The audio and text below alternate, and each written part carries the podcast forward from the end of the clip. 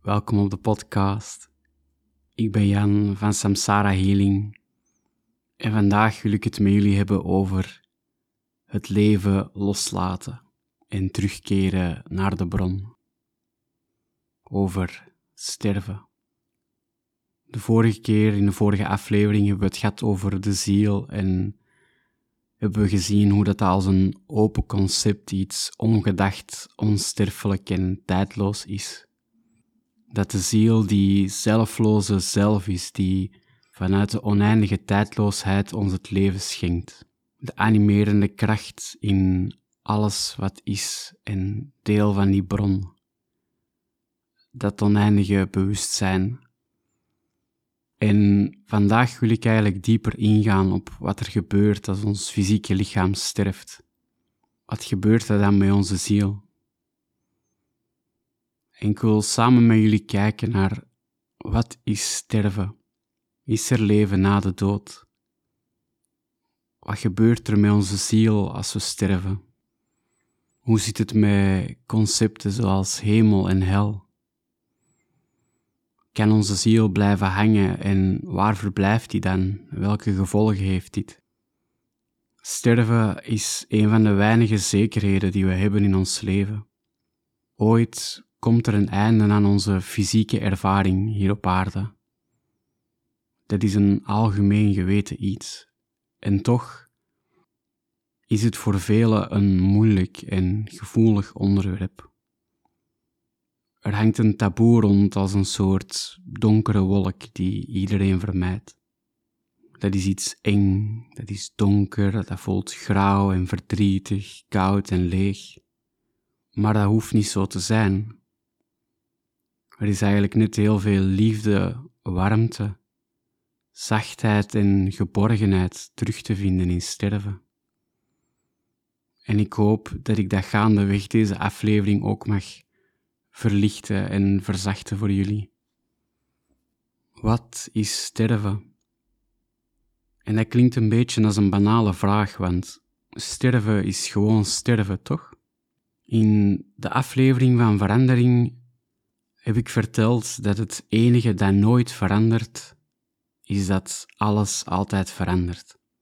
Alles is constant in beweging, in transformatie, in verandering. Ook ons lichaam, we groeien, we genezen, we worden ouder. En wanneer we sterven is het niet zo dat alles plots stopt. Lichtjes uit en klaar. Al lijkt dat voor de mensen rondom ons wel zo. Het hart stopt en het lichaam wordt niet meer gevoed. Het leven dat we kenden verandert. En de eenheid die ons deze fysieke ervaring schenkt, wordt ontbonden en gedeeld. Het lichaam en de ziel. Twee onafscheidelijke delen van het geheel ontbinden zich van elkaar. De levensadem, het, het zijn dat ons lichaam bezielde en animeerde, en het lichaam, de tempel waar ons wezen in haar oneindigheid in huisde, die nemen afscheid van elkaar het heilig huwelijk eindigt en wat ooit één was, wordt nu twee. En het lichaam dat uit het fysieke komt, uit het aardse komt, keert ook weer terug naar de aarde, om in eenheid met de aarde nieuw leven te koesteren. Denk aan een boom die sterft.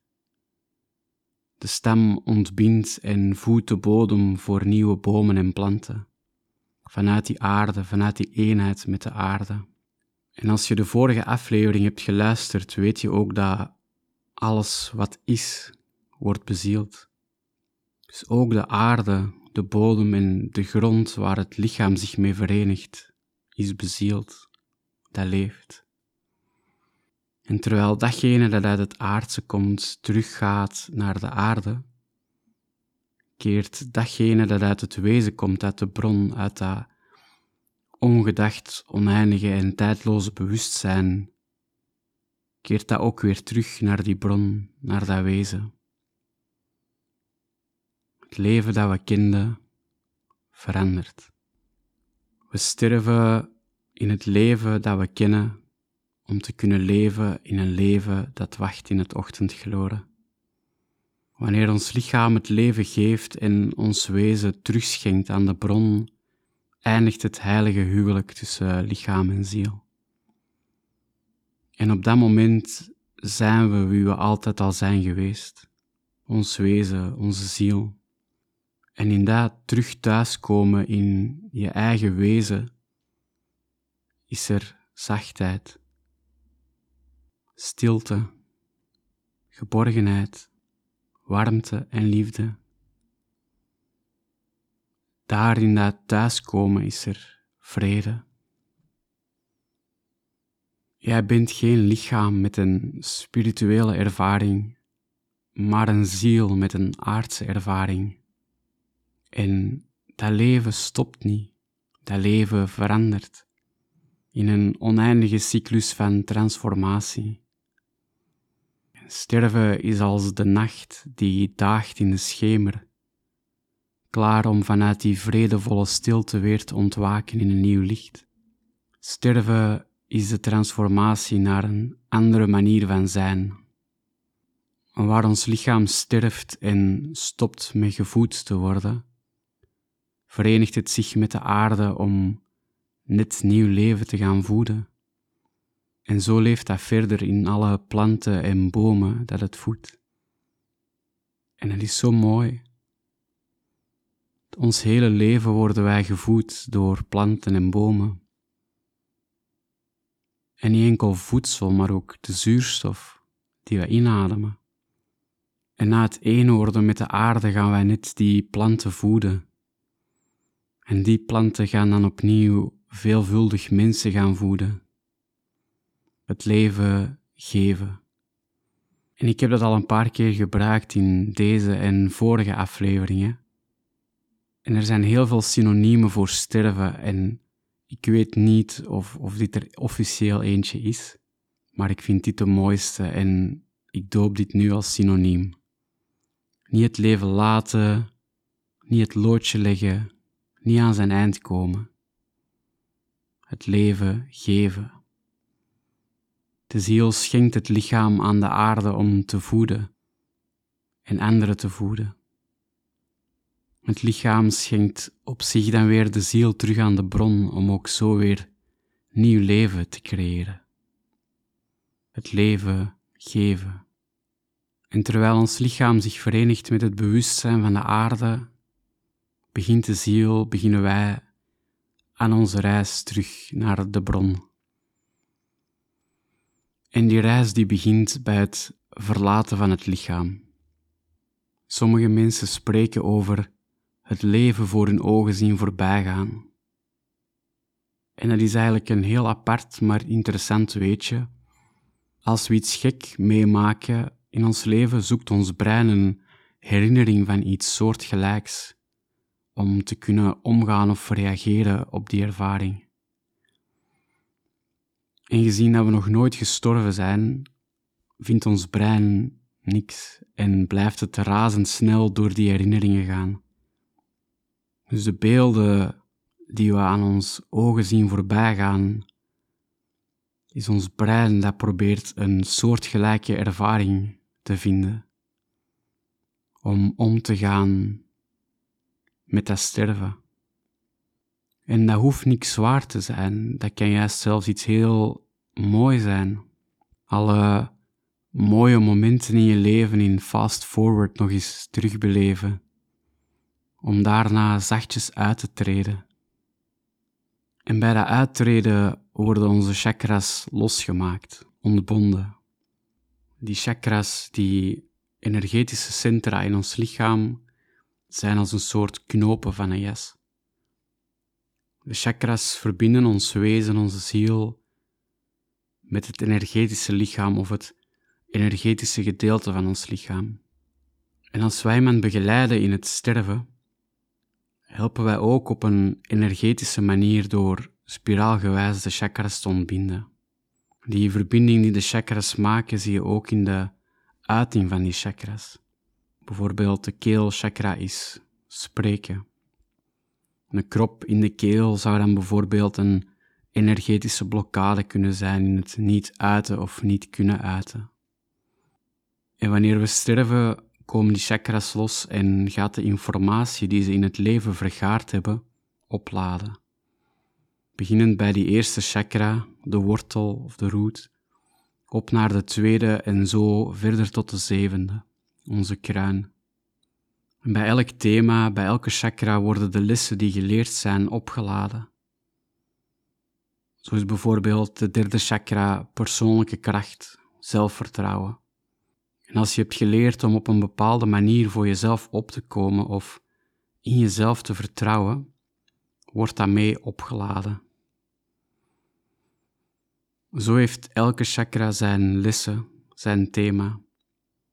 En al die informatie die komt samen in de achtste chakra, ook wel de soul star of zielenster genoemd. En de reden waarom dat we die lessen met ons meenemen, is omdat ons bewustzijn groeit door bewustwording. En die bewustwording groeit door zich constant te gaan spiegelen aan andere, aan andere vormen van bewustzijn. En we zien hetzelfde terugkomen in onze levenslessen. Allemaal reflecties en projecties, allemaal spiegels. Zo kunnen we ons bijvoorbeeld ergeren aan iemand die daar arrogant lijkt over te komen, terwijl die persoon gewoon heel erg zelfzeker is. En het onze eigen onzekerheid, die wordt gespiegeld en getriggerd. En hoewel dat dit een ego gegeven is, in het weten en begrijpen van die les, groeit ons wezen als bewustzijn door de bewustwording in die ervaring. Ons wezen groeit als bewustzijn door de bewustwording in die ervaring. Jij bent een ziel met een aardse ervaring en jij bent hier om te leren, om te ervaren. Wanneer alle chakras ontbonden zijn en alle lessen zijn opgeladen naar de zielenster, komt de ziel los van het lichaam. En hoewel dat die ziel loskomt, blijft het toch nog zo'n drietal dagen in de buurt van het lichaam. Door de shock of door het proces van sterven. Die ziel vertoeft zich nu in de voor ons niet ordinaire realiteit, in de spiritwereld of in de onzichtbare wereld. En ik heb dat in een vorige aflevering al een beetje toegelicht. Die ordinaire realiteit is onze realiteit. Dat is wat we zien, horen, voelen, raken, proeven, fysiek met onze zintuigen. Die niet-ordinaire realiteit kunnen we niet zo eenvoudig fysiek waarnemen of vastnemen. Dat fysiek zien, horen, voelen, dat werkt daar niet zo. Die niet-ordinaire realiteit wordt waargenomen door ons hoger bewustzijn, onze intuïtie, of ons zesde zintuig, als je het zo wilt noemen. En dat komt omdat die niet-ordinaire realiteit zich op een andere golflengte bevindt, een andere trilling, een andere frequentie. En je kan dat zo bekijken wij zien wit licht met onze ogen. En wij kunnen dat gesplitst zien in zeven mooie kleuren, van rood tot violet, met allerlei prachtige schakeringen ertussen. Maar de kleuren die dat lagere frequentie hebben, bijvoorbeeld infrarood, of een hogere, bijvoorbeeld ultraviolet, zien wij niet maar dat is er wel. En ik wil jullie uitnodigen voor een experiment. Iedereen van jullie die een smartphone heeft, dat geen iPhone is, of gewoon een camera, mogen die camera eens gebruiken om te kijken naar een afstandsbediening van de tv.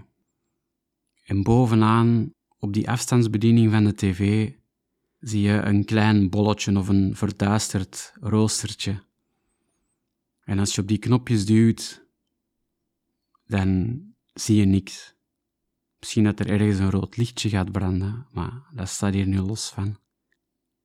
En terwijl wij met onze eigen ogen niks zien, als je door de ogen van die camera kijkt, naar dat bolletje of naar dat roostertje, het stukje waar dat je mee richt naar de tv, en je drukt dan op een knopje, dan ga je zien dat daar een licht uitkomt. En op die manier zie je dat een, een camera een andere golflengte visueel kan waarnemen. Ik vond dat een leuk experimentje. Probeer dat zeker eens uit. En ik spreek hier van een niet-ordinaire realiteit, maar zelf benoem ik die plek liever als de spiritwereld. Voor mij is dat de plek waar dat die spirits verblijven of dwalen. Niet-ordinaire realiteit heeft naar mijn gevoel geen fijne lading. En dat hangt vast aan het woord ordinair. In het Engels is dat gewoon of normaal, ordinary. Maar in het Nederlands heeft dat de lading van plat of vulgair. Dus ik benoem het liever als spiritwereld, hoewel dat niet-ordinaire realiteit een quote-unquote vakterm is. En ik die structuurgewijs nog wel ga blijven gebruiken. Die spiritwereld is eigenlijk een replica van onze wereld, maar enkel op een andere trilling. Nog steeds hier op aarde. Net zoals dat je door die camera dat licht van die afstandsbediening kan zien, terwijl dat wij dat met onze ogen niet kunnen, is er een realiteit zoals die van ons, die gelijk loopt met die van ons, maar zich bevindt op een andere trilling.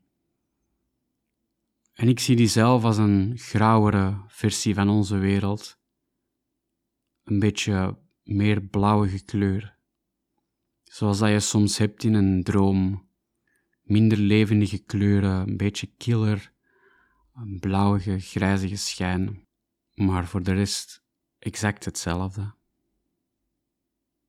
En we weten nu dat die ziel zich daar in die niet-ordinaire realiteit bevindt, op een andere trilling van realiteit.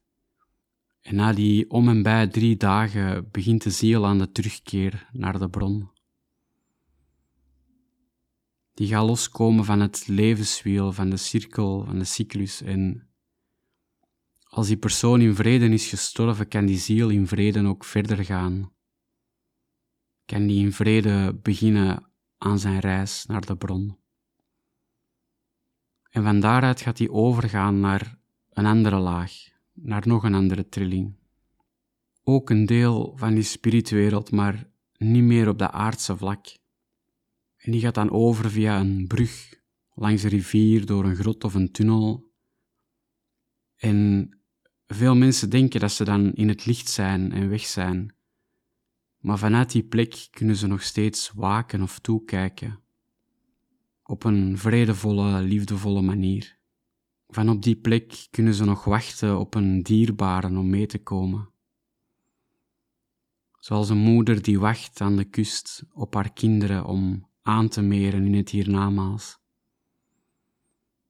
Om samen als een gezin verder te kunnen gaan.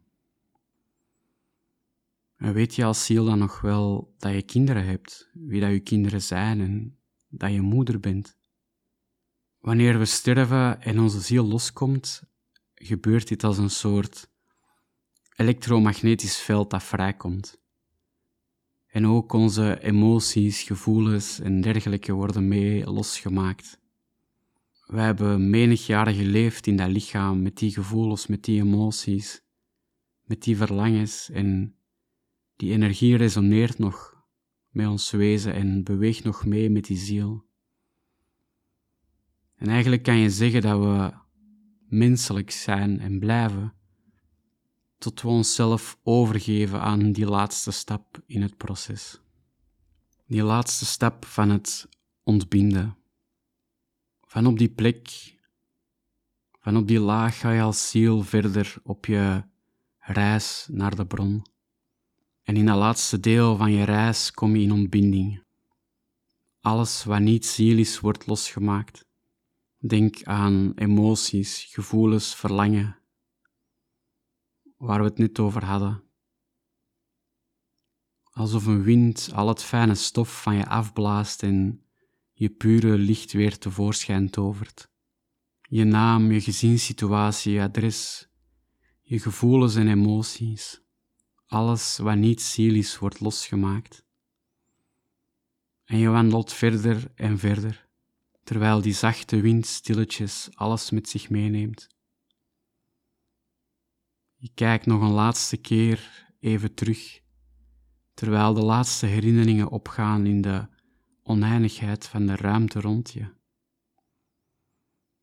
Losgemaakt, helemaal puur ziel, puur wezen, verenig je jezelf weer met die ongedachte, onsterfelijke en tijdloze bron. Om van daaruit weer geboren te worden. Een vriend van me vroeg: Als we dan als ziel terug één worden met die bron, hoe kan je dan als diezelfde ziel teruggeboren worden? En ik vond dat een prachtige vraag. Want als je erover nadenkt, dan. Als je een druppel laat vallen in de zee, hoe ga je diezelfde druppel daar dan ooit terug uithalen? En net zoals in de aflevering van de ziel is dat een beetje gevaarlijk vaarwater om met denken te gaan benaderen, omdat je enkel vanuit je wezen kan resoneren met die waarheid. Net zoals dat je de heilige graal nooit zal vinden als je zoekt. En je enkel kan proeven van haar oneindige adem als je ze vindt. Maar ik vond het een leuke vraag en ik heb ook mijn best gedaan om het zo goed mogelijk te vergelijken door heel goed te gaan voelen. En ik vertelde hem: bekijk de bron als een spiegelpaleis. Een oneindige ruimte met oneindig veel spiegels. In elke spiegel spiegelt die oneindig andere spiegels. En wanneer je terug naar de bron gaat, wordt je geen druppel die zich herenigt met de zee, maar een spiegel in dat spiegelpaleis. Een deel van dat grote paleis als afzonderlijke spiegel. En tegelijk zie je in die spiegel alle andere spiegels. En zie je hoe die spiegels jou zien en spiegelen. En zo krijg je een oneindigheid aan reflecties die één groot geheel vormen. Want jij bent elke andere spiegel en elke andere spiegel ben jij en je zit in dat ene grote geheel. En terwijl dat je dat geheel bent, ben je tegelijk ook een deel van dat geheel. En uiteindelijk is die ziel ook zo ontstaan een bewustzijn dat zich spiegelt aan een bewustzijn en zo een nieuw bewustzijn creëert. En dat is een topic waar dat we later zeker nog dieper op in kunnen gaan. Het belangrijkste hier is dat je weet dat je loskomt van je lichaam en vanuit die spiritwereld reist naar die bron. Om terug één te worden met die bron en vanuit die bron weer terug in te dalen in een nieuw leven. En dat je een zeker menselijk aspect blijft behouden, tot dat ontbonden wordt in het proces van thuiskomen in het oneindige wezen. Maar hoe zit dat dan met hemel en hel? In het katholieke geloof spreken we van hemel en hel. Als je goed hebt geleefd, ga je naar de hemel. Als je een stouterik bent geweest, ga je naar de hel. Een geloof die onze cultuur voor lange tijd heeft getekend. Maar we weten nu dat als het heilig huwelijk tussen lichaam en ziel eindigt, ze elkaar terugschenken aan thuis, aan de aarde, aan de bron. Hemel en hel zijn een concept dat zich ontleent aan het shamanisme, dat dan op zich nog eens beïnvloed is geweest door een staat van wezen hier op aarde. Als we in het shamanisme spreken over die niet-ordinaire realiteit, dan spreken we eigenlijk over drie werelden, drie lagen. Onderwereld, middenwereld en bovenwereld. En je kan dat bekijken als licht dat zich splitst in zeven kleuren, zeven lagen, zeven facetten van het geheel. En zo wordt die niet-ordinaire realiteit opgedeeld in drie grote werelden, met elk nog eens hun eigen plekken, lagen, frequenties. Middenwereld is het vlak dat gelijk loopt met onze aarde, die spiritwereld waar ik daarnet over praatte. Daar waar die zielen verblijven voordat ze aan hun reis beginnen. De bovenwereld is een hele lichte plek, heel zacht en liefdevol. En daar huizen onze gidsen, voorouders, spirituele leraars, opgestegen meesters, engelen en goden. En de onderwereld is oer, de kracht van de natuur, wijsheid en kracht, animal spirits, krachtdieren. En dat heeft een heel sterke vrouwelijke oerkracht. En die heel sterke vrouwelijke oerkracht heeft ook gemaakt dat dit als iets negatief is afgeschilderd beginnen worden. Op een bepaald moment is het matriarchale onderdrukt geweest door het patriarchale. Die vrouwelijke oerkracht werd weggeduwd. Onderwereld werd de hel en bovenwereld werd de hemel. Die oerkracht, die natuurkracht, die vrouwelijke kracht, werd als heidens gezien en geassocieerd met de hel. Maar wij weten natuurlijk dat dat hele mooie dingen zijn. Die natuur, die oer, die vrouw. Maar is het dan enkel wanneer dat we sterven? Nee, deze plekken zijn nu toegankelijk. Die concepten werden buiten ons gelegd en er werd een dualiteit gecreëerd. Hemel en hel.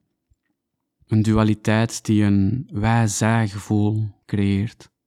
Wij zijn flink en zij niet, zij gaan naar de hel.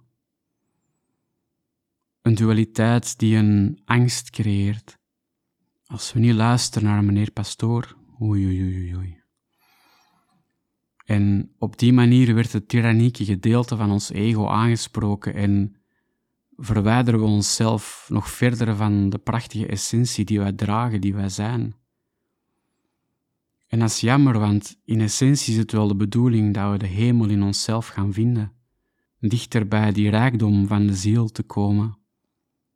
En daar zijn ook verwijzingen naar in die religies. Er zit een kern van waarheid in die religieuze leren.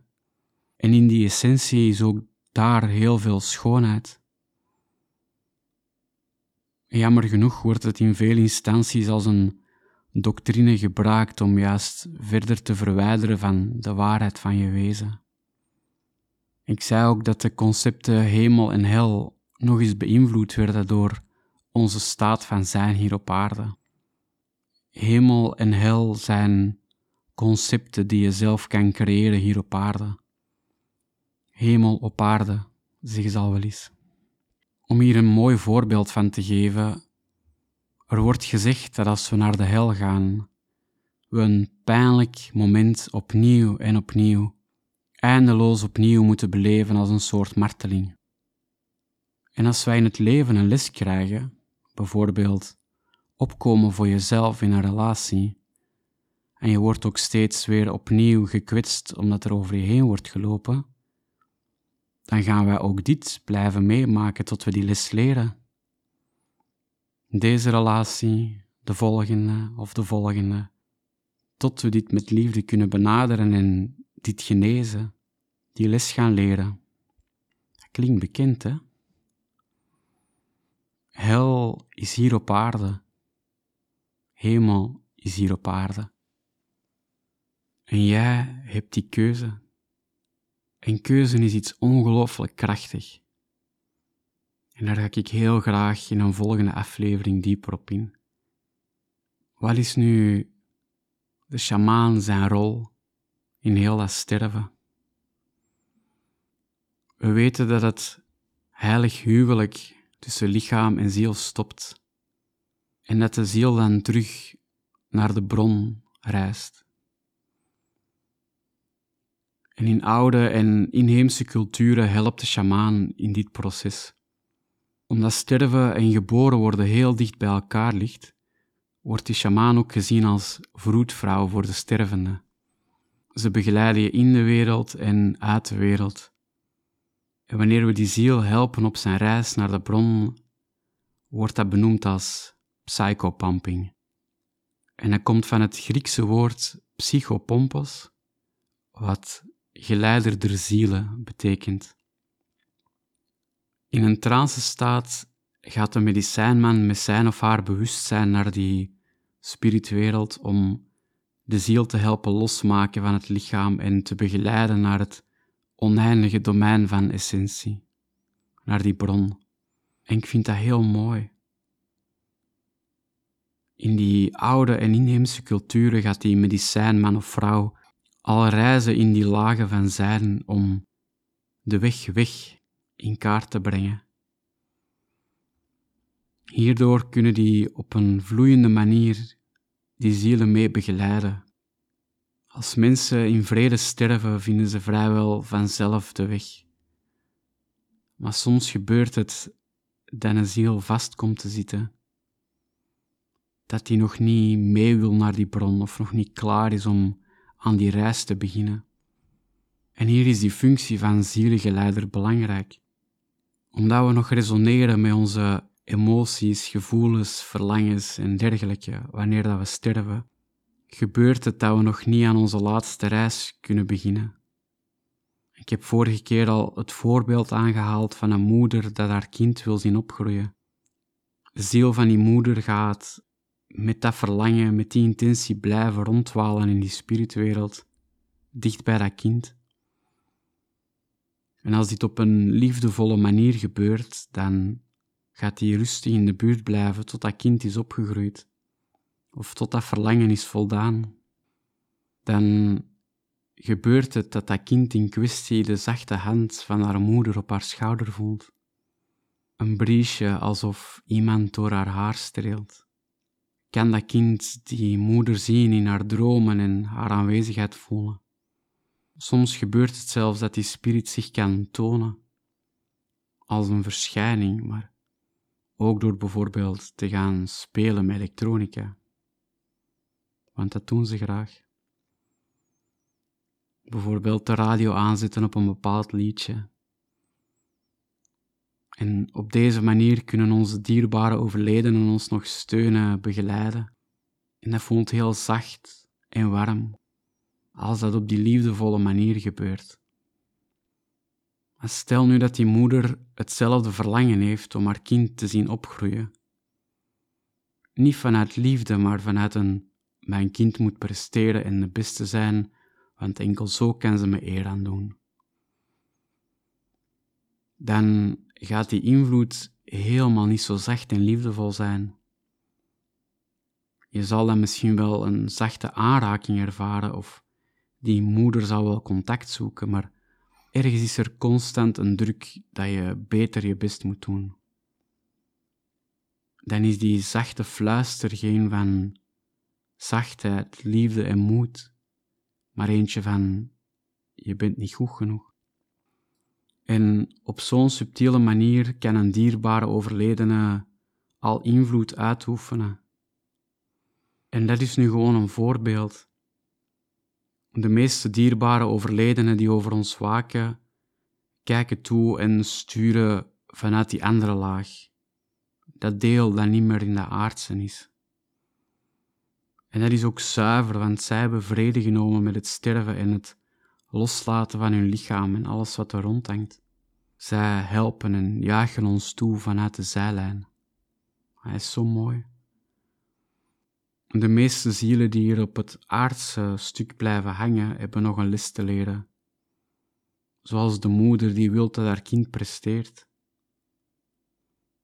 En dat is een vrij zacht voorbeeld, want er zijn mensen die met een heel ander verlangen of een veel intensere emotie sterven.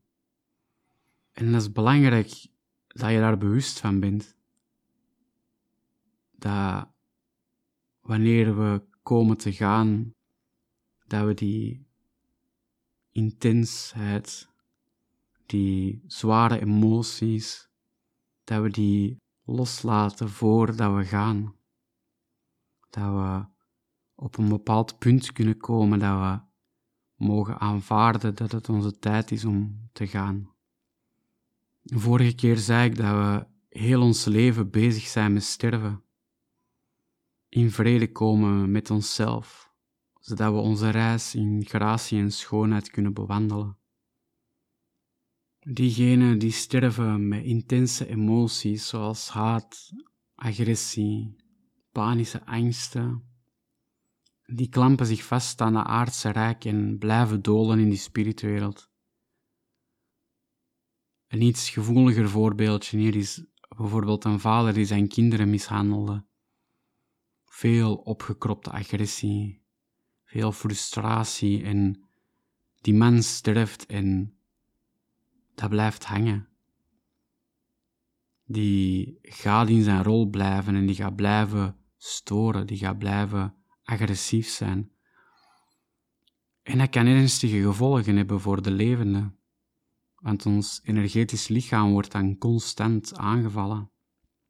En dat zorgt dan voor extreme vermoeidheid, nachtmerries, onrust, angsten en paniek. Het gevoel niet alleen te zijn of bekeken te worden enzovoort. Zelfs tot op een punt dat je blauwe plekken krijgt en dat je zelfs niet weet van waar ze komen. Om maar aan te tonen dat het het beste is dat die zielen hun les leren en zachtheid vinden in hun wezen, zodat ze kunnen overgaan naar die bron.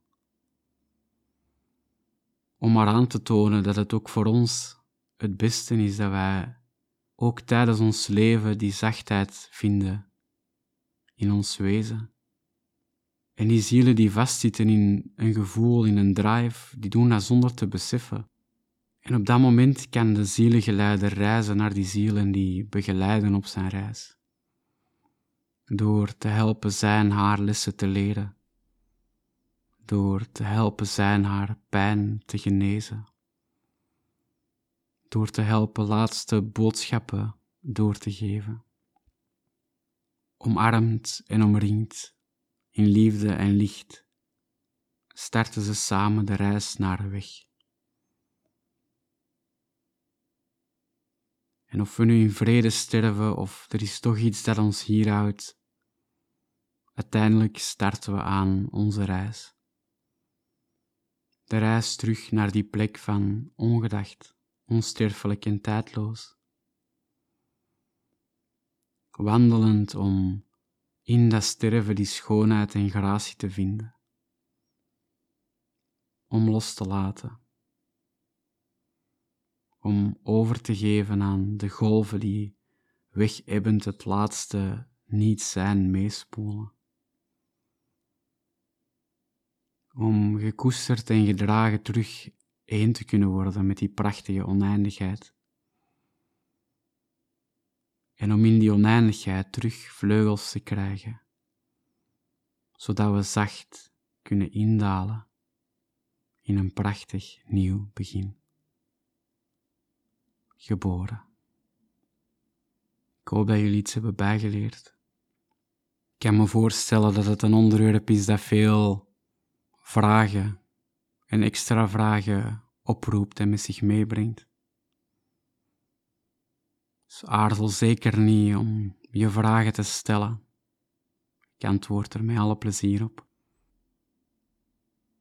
Je kan dat doen via de Q&A. Of je kan en mag ons contacteren via www.samsarahealing.be en op Facebook of Instagram op Samsara Healing Center. Dank je wel voor je tijd. Dank je wel om te luisteren. Dank je wel om met een open hart hier aanwezig te zijn. Dank je. En graag tot de volgende.